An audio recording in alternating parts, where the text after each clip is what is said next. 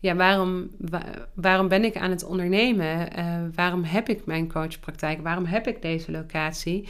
Alles moet bijdragen aan het laten floreren van mensen.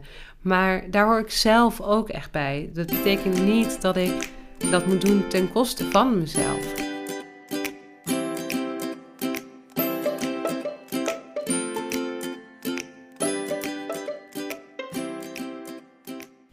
Leuk dat je luistert naar de Blooming Stories podcast. De podcast voor purpose-driven ondernemers die willen floreren in hun werk en hun leven.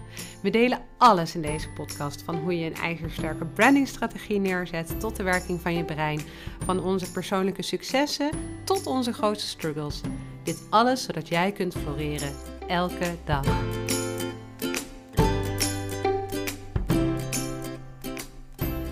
Oh, dit is ook echt grappig, joh. Ik heb net dus een heel verhaal verteld. En ik was gewoon vergeten om op record te drukken. En weet je waarom dit zo grappig is? Ik was aan het vertellen over uh, de leercurve. Uh, ik dacht, ik begin deze podcastaflevering met iets waar ik een beetje comfortabel mee ben. Dan kan ik er een beetje inkomen. Inkomen in het feit dat ik tegen een uh, zwarte microfoon aan het praten ben met niks op mijn beeldscherm. En uh, ik dacht, ik begin bij iets waarbij ik me comfortabel voel. Dus de leercurve. En daar hebben jullie ook al wat aan terwijl je dat aan het luisteren bent. Want het helpt je zo erg om met nieuwe dingen te beginnen. Hè, de leercurve gaat ervan uit, en waarschijnlijk ken je dit wel, maar dat je ooit in eerste instantie onbewust onbekwaam bent. Dat je eigenlijk nog helemaal niet weet dat je uh, iets nog niet kan, zoals het. Uh, opnemen van een podcast. Um, en uh, nou ja, dat was voor mij ook echt heel erg. Ik luister super graag naar podcasts. Ik vind het echt een hele fijne manier om kennis tot me te nemen. Het voelt ook heel vaak een soort van, ja, bijna vertrouwd om bepaalde stemmen bij me te hebben terwijl ik aan het autorijden ben. Um, en ergens was er bij mij ook wel een verlangen om ooit een keer een podcast op te gaan nemen. En ik heb deze microfoon waar ik nou tegenaan uh, aan het praten ben echt al maanden. Um, nu is het punt gekomen dat we dat heel graag uh, willen gaan delen met de wereld. En uh, dat zijn persoonlijke verhalen, het zijn onze kennis en inzichten. We gaan jullie meenemen in onze methodiek. En dan zit je ineens uh, in een zelfgemaakt studiootje op kantoor een podcast op te nemen. En uh, dan ineens word je heel erg bewust onbekwaam. En ik kan je vertellen, dan voel je je over het algemeen net wat minder fijn dan daarvoor. Onbewust onbekwaam is veel comfortabeler. Uh, en hoe grappig is het dan dat ik dit hele verhaal net aan het vertellen was en dat ik gewoon niet op record had gedrukt? Hoe, hoe bewust onbekwaam wil je iemand krijgen? Maar ik kan er eigenlijk ook wel weer om lachen. Want ik weet ook dat uh, vanuit onder in die modderpoel, vanuit uh, vele eerste pogingen, uh, al dan niet steeds net wat beter, gaat het uiteindelijk ook weer omhoog. En word je hopelijk een op een gegeven moment bewust bekwaam. En kom je erachter van hé, hey, uh, als we het op deze manier doen, dan lukt het me prima. En dan kunnen we mensen bereiken. En uh, is het technisch enigszins in orde. En misschien dat je wel een stukje gaat professionaliseren. Of dat je weet op welke manier je jezelf goed kan overbrengen. En uiteindelijk hoop je ooit een punt te bereiken dat je onbewust bekwaam bent.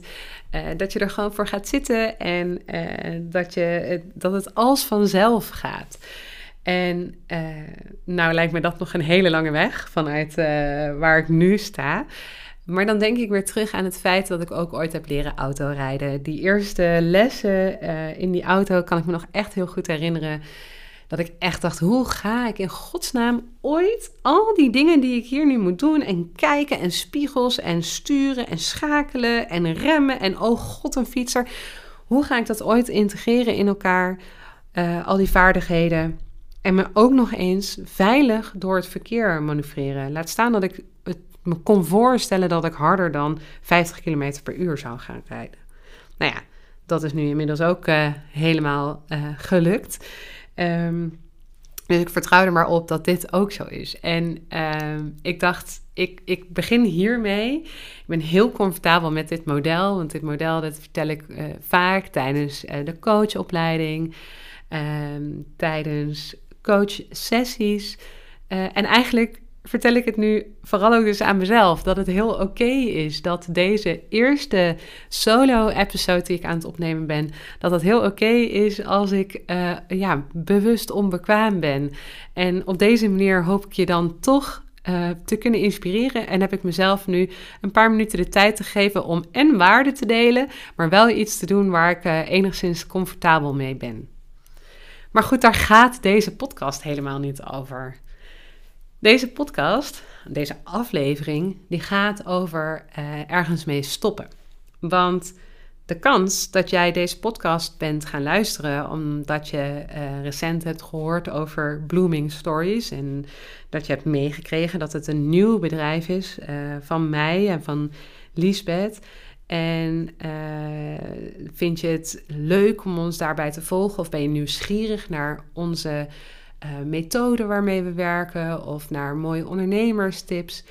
Um, maar eigenlijk wil ik je daarvoor eerst even meenemen in wat er ook nodig is geweest om ergens, uh, ja, ergens mee te kunnen starten. Namelijk dat ik ook ergens mee ben gestopt. En ik vind het zo belangrijk omdat er soms zoveel meer moed nodig is om met iets te stoppen dan om ergens mee door te gaan. Uh, gisteren uh, kreeg ik tijdens een uh, online groepssessie de vraag wanneer wij hadden besloten, Liesbeth en ik, om een kantoorruimte te gaan huren voor ons bedrijf Blooming Stories. En ja, het antwoord daarop was nogal een lange. En toen dacht ik, ja, dit is eigenlijk heel waardevol om dit ook met anderen te delen, omdat ehm, ergens mee stoppen, uh, namelijk met mijn vorige bedrijf, Canvas Rotterdam, uh, is misschien nog wel moediger dan het opstarten van een nieuw bedrijf. En uh, dus bij het ondernemerschap en het starten van een nieuw bedrijf, daar horen echt uh, super veel mooie strategieën bij, methodieken, werkwijzen. We delen graag succesverhalen. We zetten graag andere ondernemers in de spotlight. Maar wellicht is het nog wel het meest inspirerend om soms ook de andere kant van het verhaal te horen. En uh, te horen hoe ik tot een punt ben gekomen om uh, te bedenken dat iets niet meer goed bij mij past. En dat iets mij niet meer voedt. En uh, ja, je dus eigenlijk mee te nemen in een iets meer kwetsbare kant van het ondernemerschap. Wat je misschien niet altijd ziet aan de buitenkant. En zeker ook niet als je ons uh, volgt op, uh, op Instagram of zo. Hè? We hebben een hele vrolijke en energieke huisstijl. En, uh, maar daarachter zitten natuurlijk ook gewoon bepaalde beslissingen die moeilijk zijn geweest. En keuzes die zwaar zijn geweest. Nou ja, vandaag neem ik je dus mee in waarom ik ben gestopt met Canvas Rotterdam. En ik vertel je een aantal hele belangrijke momenten die daaraan vooraf zijn gegaan.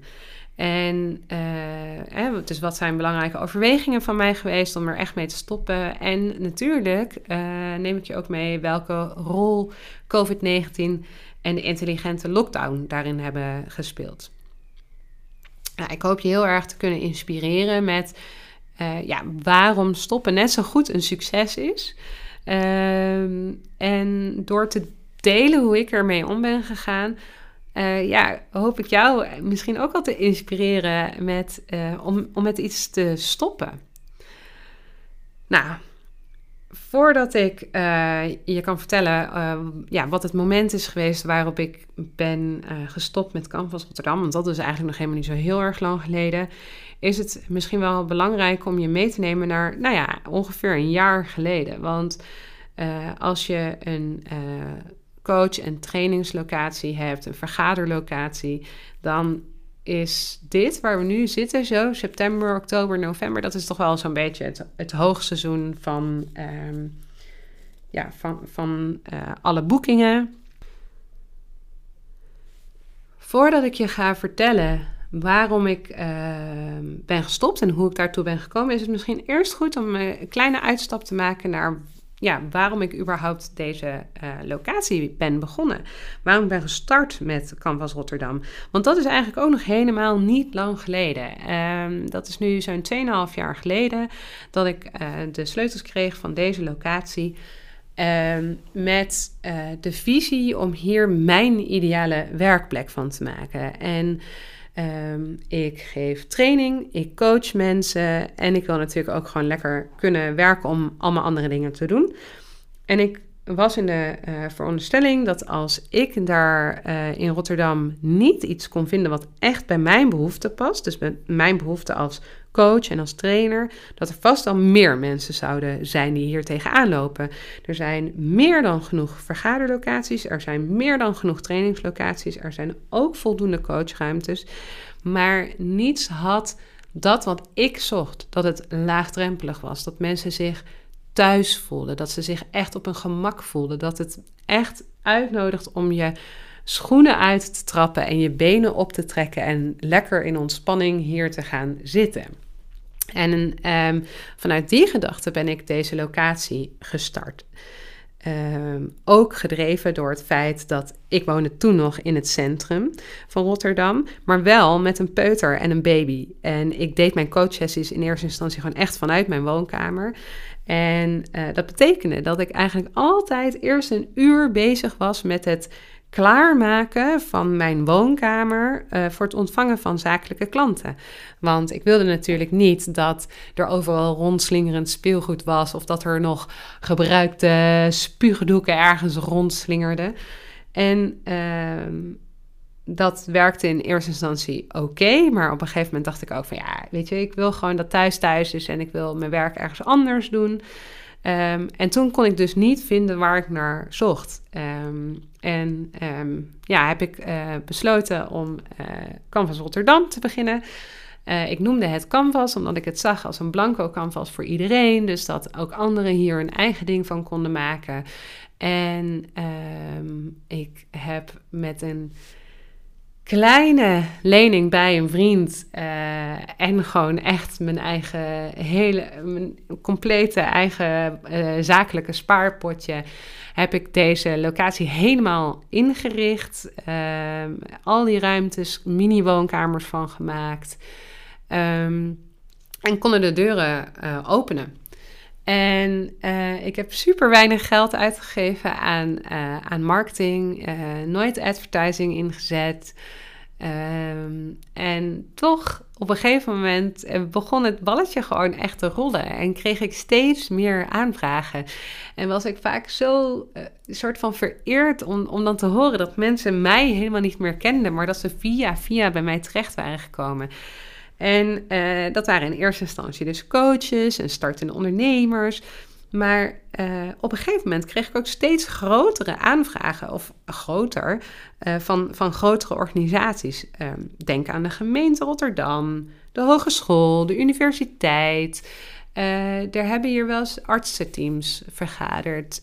van de Nationale Nederland, de H&M, Greenwheels, noem maar op. Um, en dat is natuurlijk super leuk dat die allemaal via, via uh, deze locatie wisten te vinden. En dat ze er ook allemaal echt heel erg blij van werden om hier te vergaderen. Um, dus het liep eigenlijk steeds beter en eigenlijk uh, boven verwachting goed.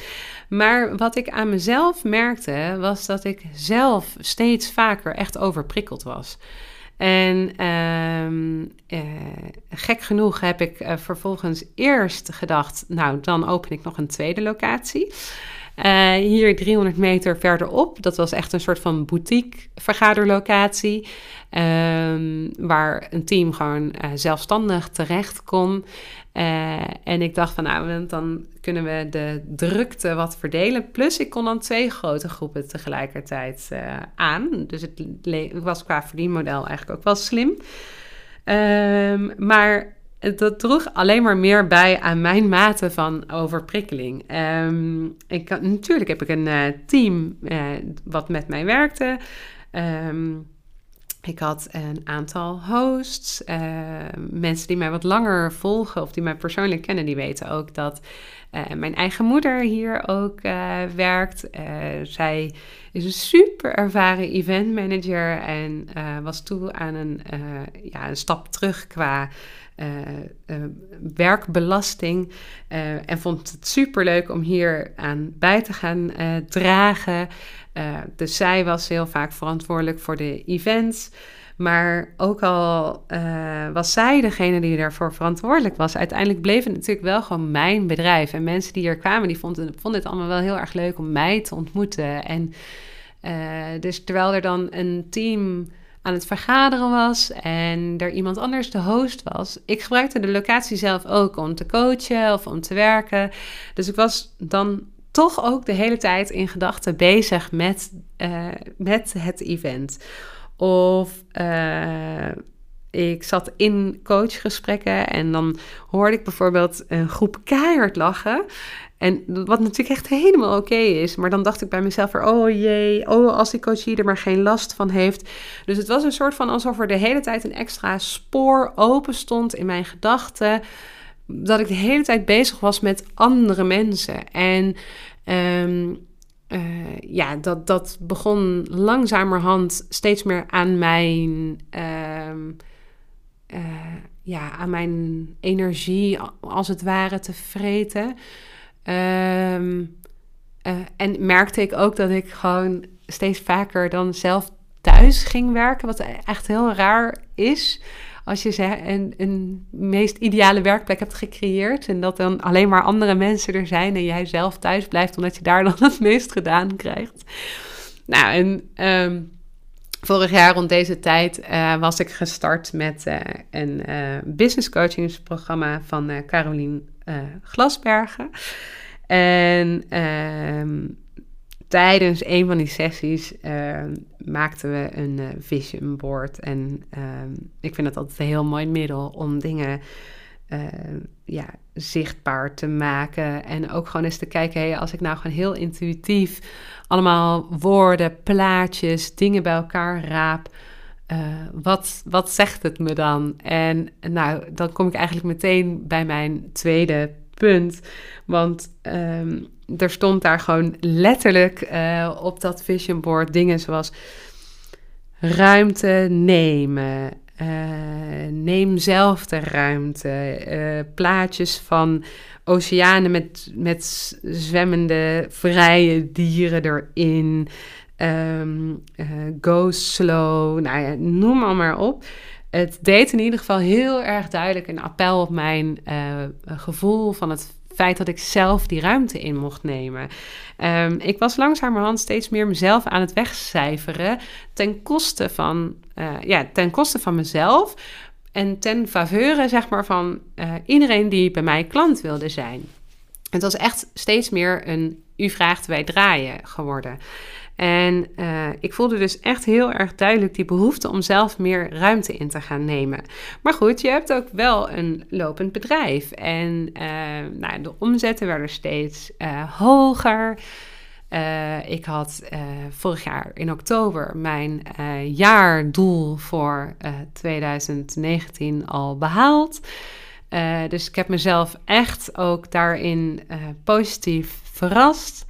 Ehm, maar toch voelde het toen al niet goed. En uh, kwam ik weer terug bij, met, bij mijn persoonlijke why. Hè? Waarom doe ik wat ik doe? En dat is meteen het, uh, het derde punt. Uh, waarbij ik dus echt terug ben gegaan naar. Ja, waarom, waarom ben ik aan het ondernemen? waarom heb ik mijn coachpraktijk? Waarom heb ik deze locatie? Alles moet bijdragen aan het laten floreren van mensen.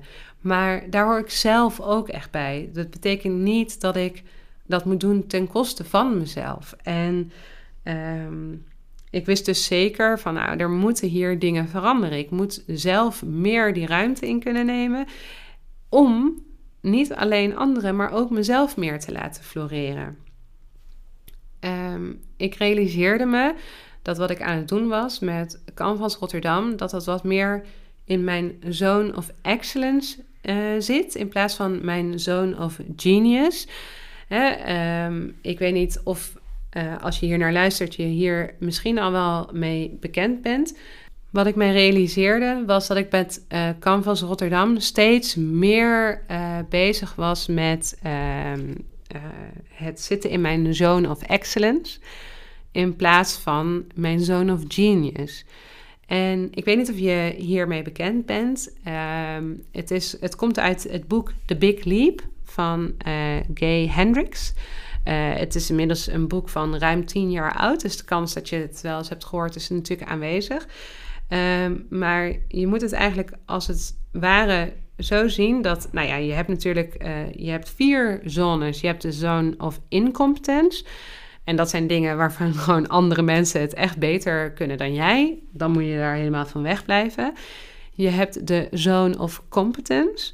En uh, dat zijn de dingen die jij prima kan, maar die anderen eigenlijk ook prima kunnen. Of net zo goed. Dan heb je je zone of excellence. En dat zijn de dingen waar jij echt goed in bent. En uh, waarvan anderen ook vinden dat jij daar goed in bent. Waarvan je misschien ook wel beter bent dan anderen. Uh, en waar je daardoor er eigenlijk ook gewoon een prima salaris mee kan verdienen. En anderen, dus mensen om jou heen, proberen jou eigenlijk ook in die zone of excellence te houden. Want die denken, nou, dit is toch prima? Je doet je werk gewoon goed. Beter dan de meeste anderen. En je verdient er een prima salaris bij. Maar de vraag is: raakt het jou ook echt? En uh, is dit jouw zone of genius? Dat is het dus niet. Kan jij hier al jouw talent in kwijt? Nee. Dus realiseer je, en dit is dus die big leap waar ze het over hebben, dat je echt naar die zone of excellence kan stappen. Dat is de, uh, de, de, dat unieke setje van talent wat jij hebt, waarmee je echt, uh, echt kan excelleren. Dus waarbij je helemaal in jouw kracht kan gaan staan. En waarbij je eigenlijk ook een soort van niet alleen jezelf, maar alle anderen om je heen een soort van uh, mega mee kunt raken, andere mensen mee kunt laten groeien. Maar wat dus ook heel vaak voor heel veel mensen een soort van onontdekt potentieel is. En als ik dan echt eerlijk was en dan keek naar wat ik met Canvas Rotterdam aan het doen was, dan was het echt in die zone of excellence. Ik was daar echt inderdaad heel erg goed in. Ik denk dat ik ook oprecht beter ben dan heel veel mensen in het neerzetten van een hele fijne locatie waar bijna iedereen zich prettig voelt. Um, wat een uitgesproken stijl had, uh, waarbij gastvrijheid hoog in het vaandel stond. Waarbij er door de juiste mensen aan te trekken overal goed aan werd gedacht. Maar was het mijn zoon of genius, genius? Was het echt mijn unieke talent wat ik daar kon inzetten? Nee, dat was het niet. Want dat zit echt heel erg in het coachen. Dat zit echt in het mensen aanzetten tot gedragsverandering. Dat zit echt in dat stuk persoonlijke ontwikkeling en groei. Dat is waar mijn echte zoon of genius zit. En waarbij het mij ook een enorm bevrijdend gevoel kan geven. En het mij daardoor ook heel veel energie oplevert. Terwijl het me niet heel erg veel energie lijkt te kosten. Uh, waarbij ik constant wil groeien, waarbij ik echt aanga. Dus als ik dan. Uh, hè, dus dat is eigenlijk mijn uh, vierde reden geweest om echt te gaan kijken van hé, hey, maar wat ik nu aan het doen ben, is dat echt mijn unieke set talent wat ik daarvoor kan inzetten? En dat was eigenlijk niet zo. Uh, ondertussen was ik natuurlijk uh, al lang en breed in gesprek met Liesbeth. Uh, want wij hebben elkaar zo'n drie jaar geleden leren kennen. En eigenlijk kwamen we steeds vaker erachter dat, nou ja, enerzijds we heel erg eenzelfde klantengroep aan het bedienen waren. Maar met totaal verschillende invalshoeken. Maar dat we ook, ondanks de verschillen in werk en ervaring en achtergrond, we wel heel erg dezelfde uh, uh, visie op, op de wereld uh, delen. dus die gesprekken die waren al lang gaande en we hadden al steeds vaker zoiets van: hé, hey, weet je we moeten hier wat mee. Ehm, en begin 2020 hadden we uitgesproken: oké, we, gaan, we gaan ervoor. We gaan kijken op welke manier we samen verder kunnen. En dat was voor mij echt een super exciting moment. Want ehm, eh, het voelde dus voor mij dat daarmee ook de ruimte ging ontstaan om echt daadwerkelijk te stoppen met Canvas Rotterdam. Uh, in ieder geval in die hoedanigheid. En ehm, dat voelde toen al als een opluchting, terwijl we er helemaal nog niet echt daadwerkelijk waren. Maar ik wist dus wel dat dit echt het juiste was om te gaan doen. Ja, en toen kwam uh, ineens corona, COVID-19, de intelligente lockdown. En uh, ik had 100% annuleringen voor Canvas. Uh, dat was natuurlijk echt ontzettend heftig. Maar ook heel erg bevrijdend. Want ineens hoefde ik niet meer. Ik hoefde niet meer uh, te denken: hoe kan ik het hier beter maken? En klopt het allemaal wel? En uh, goh, uh, we hadden best wel vaak last van onze bovenburen. En er was gedoe met de airco. En er was gedoe met de verwarming. En er waren lekkages. En ineens hoefde ik dat allemaal niet meer. Dus er viel echt een last van mijn schouders.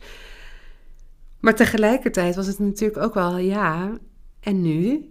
Uh, Lisbeth heeft dat wel gezegd, maar ja, dit hadden we ook niet echt helemaal meegerekend. Um, misschien is het voor haar ook wel fijner om uh, gewoon te denken: joh, ik ga gewoon verder met waar ik mee bezig ben.